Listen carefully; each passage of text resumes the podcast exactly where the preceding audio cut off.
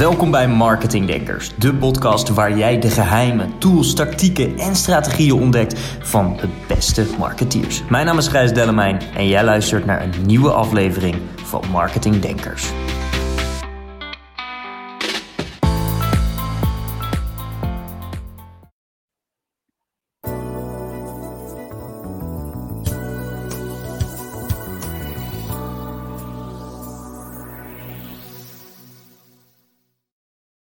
Een hele goede morgen, wat tof dat je erbij bent. Een nieuwe aflevering van Marketing Denkers vandaag. En vandaag een hele bijzondere gast, een gast vanuit Dublin. Iemand die al talloze bedrijven heeft geholpen en ja, een absolute expert is op het gebied van jobmarketing. Dames en heren, vandaag bij Marketing Denkers Daan Kaalman. Daan, wat goed dat je er bent. Yes, dankjewel voor die intro. Leuk dat ik erbij mag zijn vandaag. Ja, hartstikke gaaf. Kan je wat meer vertellen over wie je bent, wat je achtergrond is en wat jij natuurlijk doet? Want je werkt bij een heel tof bedrijf. Yes, ja zeker. Ik uh, werk en woon momenteel in Dublin, dus uh, vanuit het tropische Ierland bel, bel ik ook in. Uh, mijn, ja, iets meer achtergrond van mij. Ik heb zelf hotelschool gedaan in Maastricht, waar we elkaar toen ook ontmoet hebben. En ik werk nu een tweetal jaar dus al in Dublin, waar ik het heel erg naar mijn zin heb. Gaaf, gaaf, gaaf. En, en waarom is jobmarketing volgens jou zo belangrijk? Of misschien nog even terug naar de basis, hoe zou jij jobmarketing omschrijven? Wat vind ja. jij jobmarketing? Ja, goede vraag. Um, ik denk dat jobmarketing zelf, ja, dat je die misschien wel wat breder kan trekken naar het verhaal rondom employer branding, dan wel niet mm -hmm. je werkgeversmerk. En ja, waarom is employer branding nou helemaal nu, maar eigenlijk altijd heel belangrijk? Is omdat ja, als je gewoon zelf kijkt naar de mensen die op dit moment een baan hebben, en ja, dan, dan sta je niet altijd open voor een nieuwe kans. Je bent niet altijd aan het zoeken naar een nieuwe baan, um, ook als je goed zit. Maar dat betekent niet dat er geen mooie kansen voor jou liggen in de markt. En ja, moet je nagaan dat je, dat je dus een baan hebt en dat je op een gegeven moment benaderd wordt met een open vacature of met een job. Ja, dan denk je al vrij snel van, ah, dit is niet voor mij, want ik, ik zit nog happy waar ik zit. Terwijl als je dan een bepaald werkgeversmerk ziet of een bepaald bedrijf voorbij ziet komen, en waarin je denkt van, hé, hey, maar wacht dus, ze gaan nu met het hele bedrijf skiën. Dat ziet er leuk uit. Dan ga je al met een hele andere instelling kijken naar, wacht dus, misschien is dit wel een mooie vervolgstap in mijn carrière. En misschien biedt dit bedrijf wel wat ik zoek um, binnen een organisatie. En daarom is het denk ik heel belangrijk dat je als bedrijf jezelf op een bepaalde manier in de markt zet. En dat je dus een bepaald brand naar buiten toont. Om er dus voor te zorgen dat het passieve talent dat eventueel al een baan heeft, wel degelijk geïnspireerd of ja, getriggerd kan worden om met jullie in gesprek te gaan. Om eventueel te kijken of er uh, ja, verandering mogelijk is. Gaaf, gaaf. En, en wat, wat is het dan precies dat jij doet bij LinkedIn om bedrijven daar goed bij te helpen? Ja, goede vraag. Dus wat ik doe op dagelijkse basis is gewoon open gesprekken voeren met bedrijven. Nou, dat doe ik nu specifiek voor de Vlaamse markt um, en ook in Brussel. En mm -hmm. eigenlijk voeren we dan gesprekken om te kijken hoe de organisatie ja, eruit ziet, waar de organisatie staat, welke uitdagingen ja, de organisatie te maken heeft. En dus om te kijken hoe wij als LinkedIn zijnde daarbij kunnen ondersteunen om hun dus de volgende stap ja, te kunnen laten maken. En ik doe dat dus specifiek op het gebied van recruitment en employer branding. Dus die twee samen. Oké. En, en jij hebt natuurlijk al, je zei je, werkt, al ruim twee jaar bij LinkedIn, dus je hebt op talloze bedrijven geholpen. En als we daar naar kijken, zie jij een groot verschil tussen bedrijven die echt all-in gaan op uh, employer branding, dus, dus heel veel tijd en misschien nog centje investeren, en dan de bedrijven die er wat minder doen en de resultaten, de correlatie tussen de, de, de, de resultaten die ze vervolgens behalen met recruitment. Zie je daar een duidelijk verschil in? Ja, dus um, ik, ik mag vanwege GDPR natuurlijk geen namen noemen, maar wij nee. zien daar wel degelijk uh, heel, heel groot verschil in. En, en het is natuurlijk ook logisch, hoe meer, hoe, hoe meer je erin stopt, hoe meer je er ook daadwerkelijk uitkrijgt. Maar er zijn ook ja, middenwe middenwegen waarin bedrijven niet zozeer uh, honderden duizenden euro's hoeven uitgeven zoals de, de grote vissen dat eventueel doen. Maar er zijn ook gewoon wat laagdrempelige oplossingen die, die bedrijven kunnen gaan inzetten. Maar ik denk dat het belangrijkste is, is de mindset. Is dus het geloof van oké, okay, wij moeten ons als bedrijf op een bepaalde manier in de markt zetten. En daar moeten wij bepaalde moeite voor doen, daar moeten wij bepaalde investeringen voor doen. En daar moet natuurlijk bepaald resultaat uitkomen. Maar dat resultaat komt er niet als je doet wat je altijd al gedaan hebt. Dus ik denk dat het voornamelijk begint met dus de keus maken van oké, wij gaan de verandering in. Wij gaan nu een slag maken om onszelf beter in de markt te gaan zetten. En vervolgens is het natuurlijk belangrijk om bepaalde business cases te bouwen. Om te gaan kijken van wat kan dat eventueel opleveren. En waar kunnen we eventueel ook geld besparen. Want iets wat ik bijvoorbeeld ook veel hoor in de markt is dat veel bedrijven leunen op recruitmentkantoren. En dat is natuurlijk niet fout, maar dat is vaak een soort noodoplossing, omdat ze zelf niet het proces in huis hebben, of daar de tijd niet voor hebben, of niet de resources voor hebben om dat te, te kunnen doen. Waardoor zij dus nu geld betalen in een partij om kandidaten ehm, ja, eigenlijk aangeleverd te krijgen. Terwijl er ook veel mogelijkheden liggen voor het bedrijf om dat zelf in huis te gaan nemen. En daarmee dus zowel op tijdsbesteding um, ja, tijd besparen, maar ook zeker op het kostenplaatje.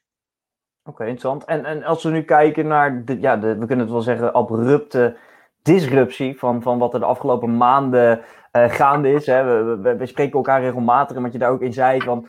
Ja, eh, jij was ook ineens weer in Nederland, terwijl je in Dublin woont. En er is een hoop gaande. Er is een hoop onrust in de wereld. Hè. Zowel, zowel op, ja, op mensen in een in directe omgeving, maar ook op indirecte omgeving. Maar ook voor bedrijven natuurlijk. Zie jij nu ook een groot verschil tussen uh, hoe de manier hoe, hoe recruitment op dit moment gedaan wordt ten opzichte van een paar maanden geleden? Zie je daar enorme stijging in of juist tegenovergestelde? Ja, 100%. Het is een compleet een andere wereld. En dat is het denk ik voor iedereen. Al is het niet voor inderdaad ineens thuiswerken. Dan is het op bedrijfsniveau dat, uh, dat er heel veel gaande is. Dus ik deed ook, uh, volgens mij is het een week geleden, dat we ook een webinar deden specifiek voor de markt uh, met mijn collega Aiden. Waarin we dus ook gingen mm -hmm. kijken naar trends. En waarin we gingen kijken naar wat gebeurt er nou in de markt. Um, en daarin zien we gewoon inderdaad dat er heel veel verandering speelt. Dus ja, wat is het voornaamste verschil dat wij zien? Is eigenlijk dat ja, bedrijven voor een splitsing staan. Dus het ene bedrijf schiet in de krimp en uh, sorry, schiet in de kramp. En is heel bang om bepaalde keuzes te maken en wil vooral de situatie afwachten. Dat is bijvoorbeeld wat we heel erg in maart, april zagen natuurlijk, omdat er heel veel onzekerheid was. Maar je hebt ook mm -hmm. de andere kant, waarin bedrijven zoiets hebben van, zoals Winston Churchill once said, uh, never put a good crisis to waste. Dit is ook het moment om ja, mogelijkheden te zien en die kansen ook te grijpen. Want als je nu bepaalde stappen maakt, ja, dan gaan die stappen geaccelereerd worden op het moment dat alles weer normaal wordt, wanneer dat ook uh, mogen zijn. Dus er liggen ja. natuurlijk ook heel veel mogelijkheden. En vandaar dat ik, dat ik nu merk dat de bedrijven waar ik nu mee spreek, is dat die steeds meer het idee van oké, okay, we moeten naar de toekomst gaan kijken, we moeten mm -hmm. ons gaan voorbereiden. Wij geloven erin dat in september of tegen het einde van het jaar dingen weer wel weer um, ja, up and running zullen zijn. Dus we zullen mm -hmm. ons moeten voorbereiden. En vandaar ja. dat zij nu dus aan het kijken zijn naar hun strategie, naar hoe zij hun brand in de markt zetten en ook hoe zij dus het juiste talent alvast in de pijplijn uh, ja, kunnen krijgen. Ja, en dat vind ik dus een mooie, want dat was mijn volgende vraag aan je. Hoe dan? Hoe gaan we dat aanpakken? Heb jij een mooi voorbeeld van, van een bedrijf of bedrijven maar die, die echt dit, die employer brand op een, een juiste manier hebben ingezet? Want laten we eerlijk zijn, never put a good crisis to waste. Helemaal mee eens. Maar hoe dan? Hoe moeten we dat doen op gebied van recruitment? Hè? Er heerst, laat ook eerlijk zijn, er heerst een soort collectieve angst momenteel, hè, die natuurlijk gevoed wordt door, door talloze uh, media outlets, zullen we het maar noemen. En, en ja, hoe gaan we daarmee om? Want mensen zelf leven natuurlijk ook een stukje in angst, maar laten we eerlijk zijn, jij en ik weten alle twee dat supertalent, ja, die, die is niet bang. Die weten dat er enorme kansen liggen. Maar hoe moet ik als ondernemer volgens jou dit nou aanpakken dan? Hoe moeten we nou zorgen dat we dus die pijplijn vullen met supertalent? Ja, uh, ik denk de million dollar question. Um, ja, om die, om die te beantwoorden neem ik graag eerst een stapje terug. Als we dus kijken naar welke strategie of welke aanpak is er inderdaad nodig. Nou, als we kijken naar een aantal jaar geleden, dan, waren veel, dan, dan was er een markt waarin veel bedrijven gebruik maakten van post and pray, zoals we dat noemen. Dus heel simpel mm. gezegd, um, open vacatures op uh, vacaturebanken posten en dan wachten op het talent dat binnenkwam. En dat werkte, want de werkeloosheid was hoger, dus er was um, minder vraag dan aanbod. Vandaar dat de mensen -hmm. gewoon ja, uit zichzelf bij het bedrijf terechtkwamen. Nou, helemaal het afgelopen jaar hebben we daar gewoon een hele zieke of een hele belangrijke verandering in gezien, waarin we een, een full funnel recruitment model en dat is een, een hele mond vol. Um, ja, waarin we dat steeds meer aan het gebruiken zijn. En als wij kijken naar de klanten waar we mee samenwerken, zien we ook dat dat soort bedrijven het meeste succes behalen. En hoe ziet dat wat, model wat er nou uit? Sorry, maar wat zou jij omschrijven als full funnel recruitment model dan? Hoe, ja. hoe, hoe, hoe werkt dat precies? Ja, precies. Dus hoe dat werkt is ja, eigenlijk is het gewoon een marketingmodel die jij veel beter kent dan ik. Um, het is gewoon een heel simpel drie-stappenplan. Het is in, in stap 1 is het belangrijkste dat het bedrijf buiten de huidige vijver, dus buiten de huidige volgers en buiten het huidige bedrijf, ervoor gaat zorgen dat zij specifiek hun doelgroep gaan aanspreken. Om dus bepaalde awareness te creëren. Om dus hun naam beter op de markt te zetten en die groep aan te spreken als: hey, kijk eens, wij zijn een leuke werkgever. Ja. Nou, en daar zitten nog niet de intenties achter om meteen een open vacature te laten zien. Dat is gewoon puur om alvast een zaadje te planten van wij zitten hier ook in de markt. Nou, mm -hmm. Vervolgens in stap 2 is het natuurlijk belangrijk dat die, ja, die doelgroep bepaalde interactie gaat tonen met jullie werkgeversmerk. Mhm. dat, dat kun je dus op verschillende manieren doen. Met verschillende tools kun je dat genereren. Maar het is natuurlijk belangrijk dat zij eens een keer iets gaan liken of een keer commenten. Of in ieder geval dat je kan zien dat zij ergens op doorklikken. Nou, en in de derde stap is het natuurlijk het allerbelangrijkste om uh, ja, ervoor te gaan zorgen dat ze, dat ze jou als bedrijf overwegen als nieuwe werkgever. En daar heb je ook weer allemaal verschillende tools voor. Ik wil er niet te veel in uh, detail treden vandaag. Um, dus dat is eigenlijk heel simpel, drie stappenplan. En wat dus belangrijk is, waar ik zie dat veel bedrijven nog niet mee bezig zijn, is in die eerste stap. Ze zijn bezig met de mensen die zij al kennen. Ze zijn bezig met die talentpools, ja, proberen daar de mensen uit te vissen. Maar vaak zit het toptalent daar niet in. En dat is precies wat jij ook beschrijft, is toptalent wacht niet. Toptalent um, ja, zit vaak goed en is vaak heel doelbewust bezig met waar ze naartoe willen. Maar het betekent niet dat zij op een bepaalde manier dus ook op andere gedachten kunnen worden gebracht. Maar het is gewoon wel belangrijk dat je dus begint met je naam in de markt zetten op een manier dat je dus dat heel specifiek gaat doen.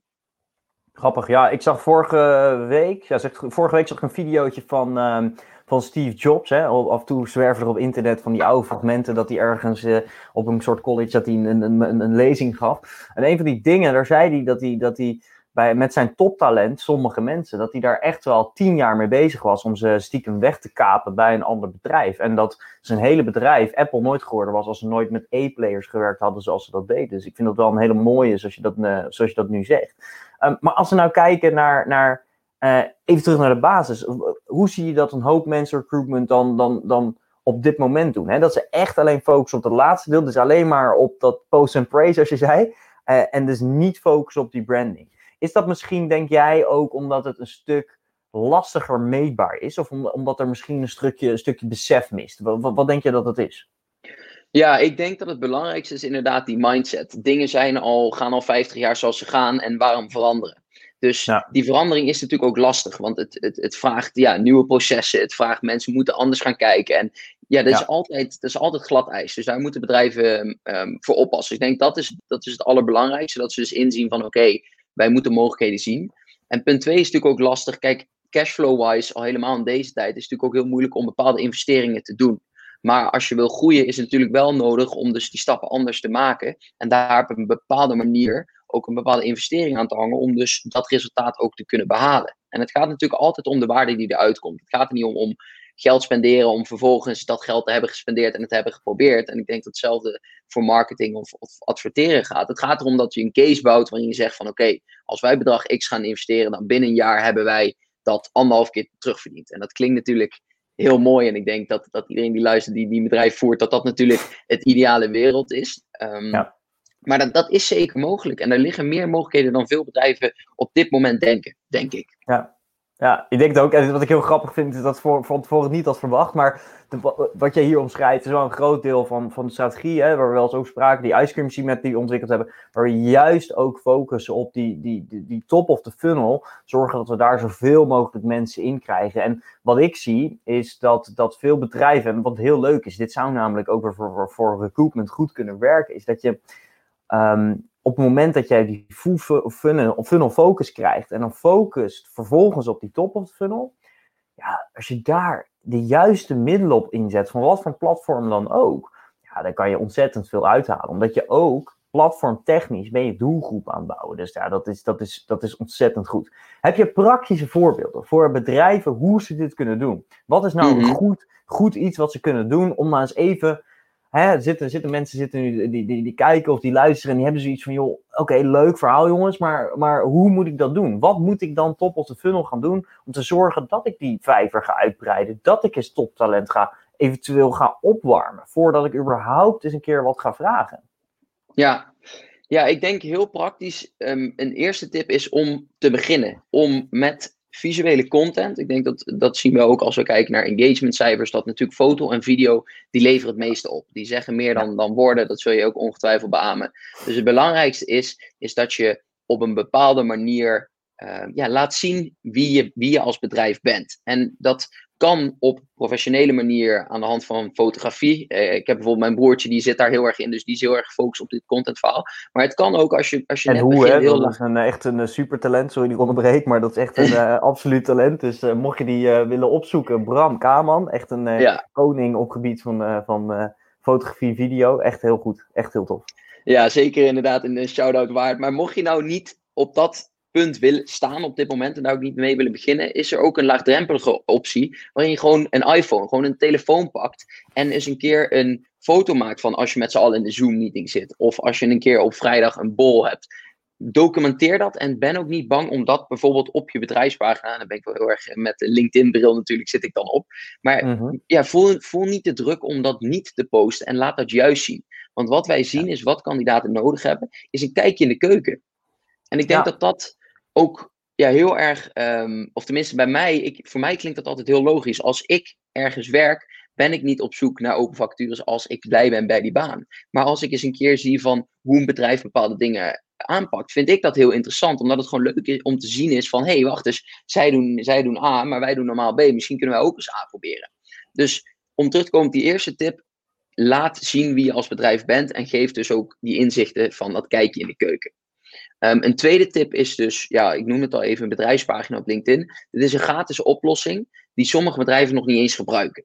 En ik denk dat dat echt een gemiste kans is, want het is gewoon jullie uithangbord. Het is jullie reclamebord waar mensen vaak naar doorklikken en ook gratis op terechtkomen. Dus waarom daar niet, ja, ik zeg wekelijks um, even een update doen van hoe alles gaat binnen het bedrijf. Dus dat is mhm. denk ik een tweede punt. Um, en een derde punt is hoe zij dat um, concreet kunnen aanpakken. Ja, is denk ik toch ook om na te denken hoe alles nu is ingericht. Dus hoe zien de marketingprocessen eruit? Wat wordt er nu gedaan om dus ja, de naamsbekendheid in de markt te zetten? En hoe kan dat eventueel verbeterd worden? En ook dat als eerste stap om vervolgens kandidaten aan te werven. Want ik spreek ook nog genoeg bedrijven die dat, die HR, marketing echt los zien. Terwijl ik denk dat het meeste winst, en ja, dat zien we ook in de klanten waar we nu mee werken, die valt te halen op het moment dat die twee partijen samenwerken en dat je eigenlijk die sweet spot hebt in het midden. Dus om die nog even kort te herhalen, maak vooral de content die visueel is en durf die te delen. Nou, doe dat op de bedrijfspagina, want die is gratis en daarmee kun je ook al een breed publiek eh, bereiken. En punt drie, neem een stap terug om te gaan kijken van hoe dingen nu gebeuren, om vervolgens te kijken hoe je eventueel met marketing en HR op het moment dat het doel is, dus ik noem even iets voor september, het talent dan willen hebben, om die pijplijn mhm. te vullen. En hoe kun je daarmee het employer brand beter in de markt zetten? En, en dan even een kritische vraag, want ik heb ook uh, meerdere bedrijfspagina's uh, op LinkedIn. En wat mij wel heel erg opvalt, ik ben een groot fan van LinkedIn, dat weet je. Ik denk dat de, de organische, het organisch bereik daarop ten opzichte van andere platformen op dit moment echt aanzienlijk hoger is. Dan op, dan op de, de, de, platformen hè, waar we, die, we, die we vooral inzetten voor advertenties, Facebook, Instagram. Um, maar als ik kijk naar, naar bereik van, van bedrijfspagina's en personen, dus, en, en als ik vanuit ja, gewoon normaal logisch nadenk, dan snap ik hem ook. Maar hoe kunnen we nou zorgen dat we het bereik van zo'n bedrijfspagina iets vergroten ten opzichte van mijn persoonlijke pagina? Want een persoonlijke pagina heb ik wel eens posts die ja, 5 tot 10.000 mensen bereiken. Hartstikke gaaf, heel erg leuk. Maar als ik dan bedrijfspagina iets plaats, dan denk ik, ah ja, dat, dat blijft toch wel een beetje hangen. En, is daar een, een, concrete tip vanuit jou die zegt, oh, denk hier eens aan? Ja, Koeien, ik denk dat het belangrijkste is, is dat als er een persoonlijke post wordt gedaan, om die dan eerst vanuit de bedrijfspagina te doen, om vervolgens op je persoonlijke netwerk te delen. Want daarin heb je dan de best of two worlds, waarin je dus als eerste je, je, bedrijfsnaam eraan hangt en daarmee de post maakt. En vervolgens ook aan al in je hele netwerk kan delen vanuit je persoonlijke profiel. En daarmee kun je dus de best of two worlds bereiken. En dat zou zeker een tip zijn vanuit mij om, ehm, om het op die manier aan te pakken. Oké, interessant. En, en de, ja, mijn volgende is eigenlijk een, een vrij simpele. Ehm, een stelling. Video op LinkedIn, ja of nee? En ja, dan, dan zou mijn vraag terug zijn op wat voor gebied? Ja, uh, op, op, op dit gebied uiteraard over hebben, over recruitment als bedrijf zijn. Dan moet ik video's inzetten, ja of nee? Ah, op die manier, ja. Nou, dan, dan is dat wel volmondig in ja, inderdaad. Want als we kijken naar, naar engagementcijfers en hoe mensen erop reageren, ja, dan doet video um, helemaal als awareness campagne het beste. Dus daarin zien we gewoon dat als er een video wordt gedeeld, dat mensen daar naar kijken, daarop klikken en dat dan ook op een bepaalde manier leuk vinden. Um, kleine tips voor video is ook nog om, uh, ik zie dat jij dat altijd uh, goed doet, om wel ondertiteling ook daarbij te voegen, omdat mensen vaker, ja, ze zaten op kantoor, dat is nu minder, maar soms ook door een feed scrollen en een filmpje kijken zonder geluid. Dus mhm. voeg daar ook vooral die ondertiteling aan toe om te zorgen dat mensen wel de boodschap doorkrijgen, ook al staat het geluid eventueel uit. En, en uh, voor mijn beeldvorming, dat weet ik eigenlijk niet eens. Komt die automatisch bij LinkedIn erbij? Ik weet dat bij Facebook soms mensen dat moeten, moeten aanzetten voordat ze dat te zien krijgen. Komt die bij LinkedIn wel automatisch in beeld, die ondertiteling? Uh, nee, die moet je dus inderdaad wel inderdaad zelf toevoegen. Dus daarom dat ik inderdaad ook de tip geef dat sommige bedrijven nog wel eens het filmpje willen posten zonder daar ondertiteling bij te zetten. Dus dat zou ik zeker, zeker aanraden. Oké, tof. En, en uh, nog als we kijken naar hoe het nu gaat, hè? want we hebben het er korter, korter over gesproken, de wereld verandert, de, er wordt een beeld geschetst alsof de, uh, nou goed, het is natuurlijk ook een hoop onrust, maar de hele wereld staat een beetje in de fik. Um, ik las vorige week in het FD, of misschien al twee weken geleden, dat er in de micro-economie van Manhattan in New York, hadden we al even contact over op de telefoon, dat, dat die hele micro-economie die stort daarin. Omdat daar enorme kantoortorens staan waar grote techbedrijven als onder andere volgens mij LinkedIn zitten. En iedereen werkt nu ineens thuis. Nou, dan zou mijn vervolgvraag eigenlijk aan jou zijn. Denk jij dat medewerkers in de toekomst nu ook meer thuiswerkdagen gaan eisen?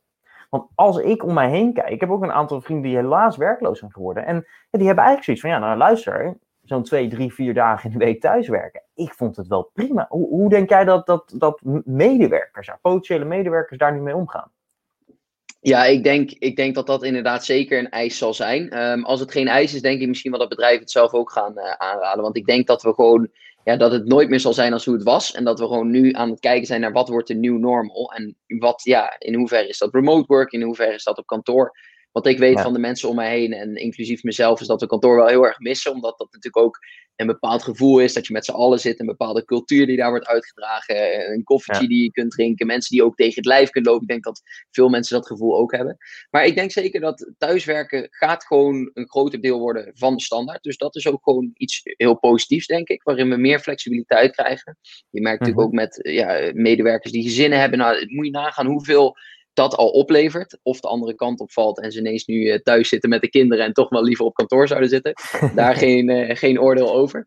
Um, dus ik denk dat dat zeker de toekomst zal zijn. Dat we eventueel een, ja, een dag of twee naar kantoor gaan om wel de meetings te hebben face-to-face. en om vervolgens thuis te zitten en die dagen te, te gebruiken. Dus ja, ik, ik denk dat dat 100% gaat veranderen, dan wel niet is veranderd.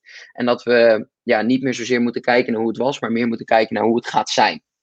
Ja, ja, en, en als we dan kijken vanuit ondernemersperspectief. Hè, ik, ik zag een tijdje geleden op uh, tv ergens een, een, uitzending, van mij was het van RTL, waarin, uh, of zelfs het nieuws, waarbij een, een IT-bedrijf was. En de meneer er was eigenaar in beeld en een medewerker. En die medewerker vond het eigenlijk wel prima om thuis te werken.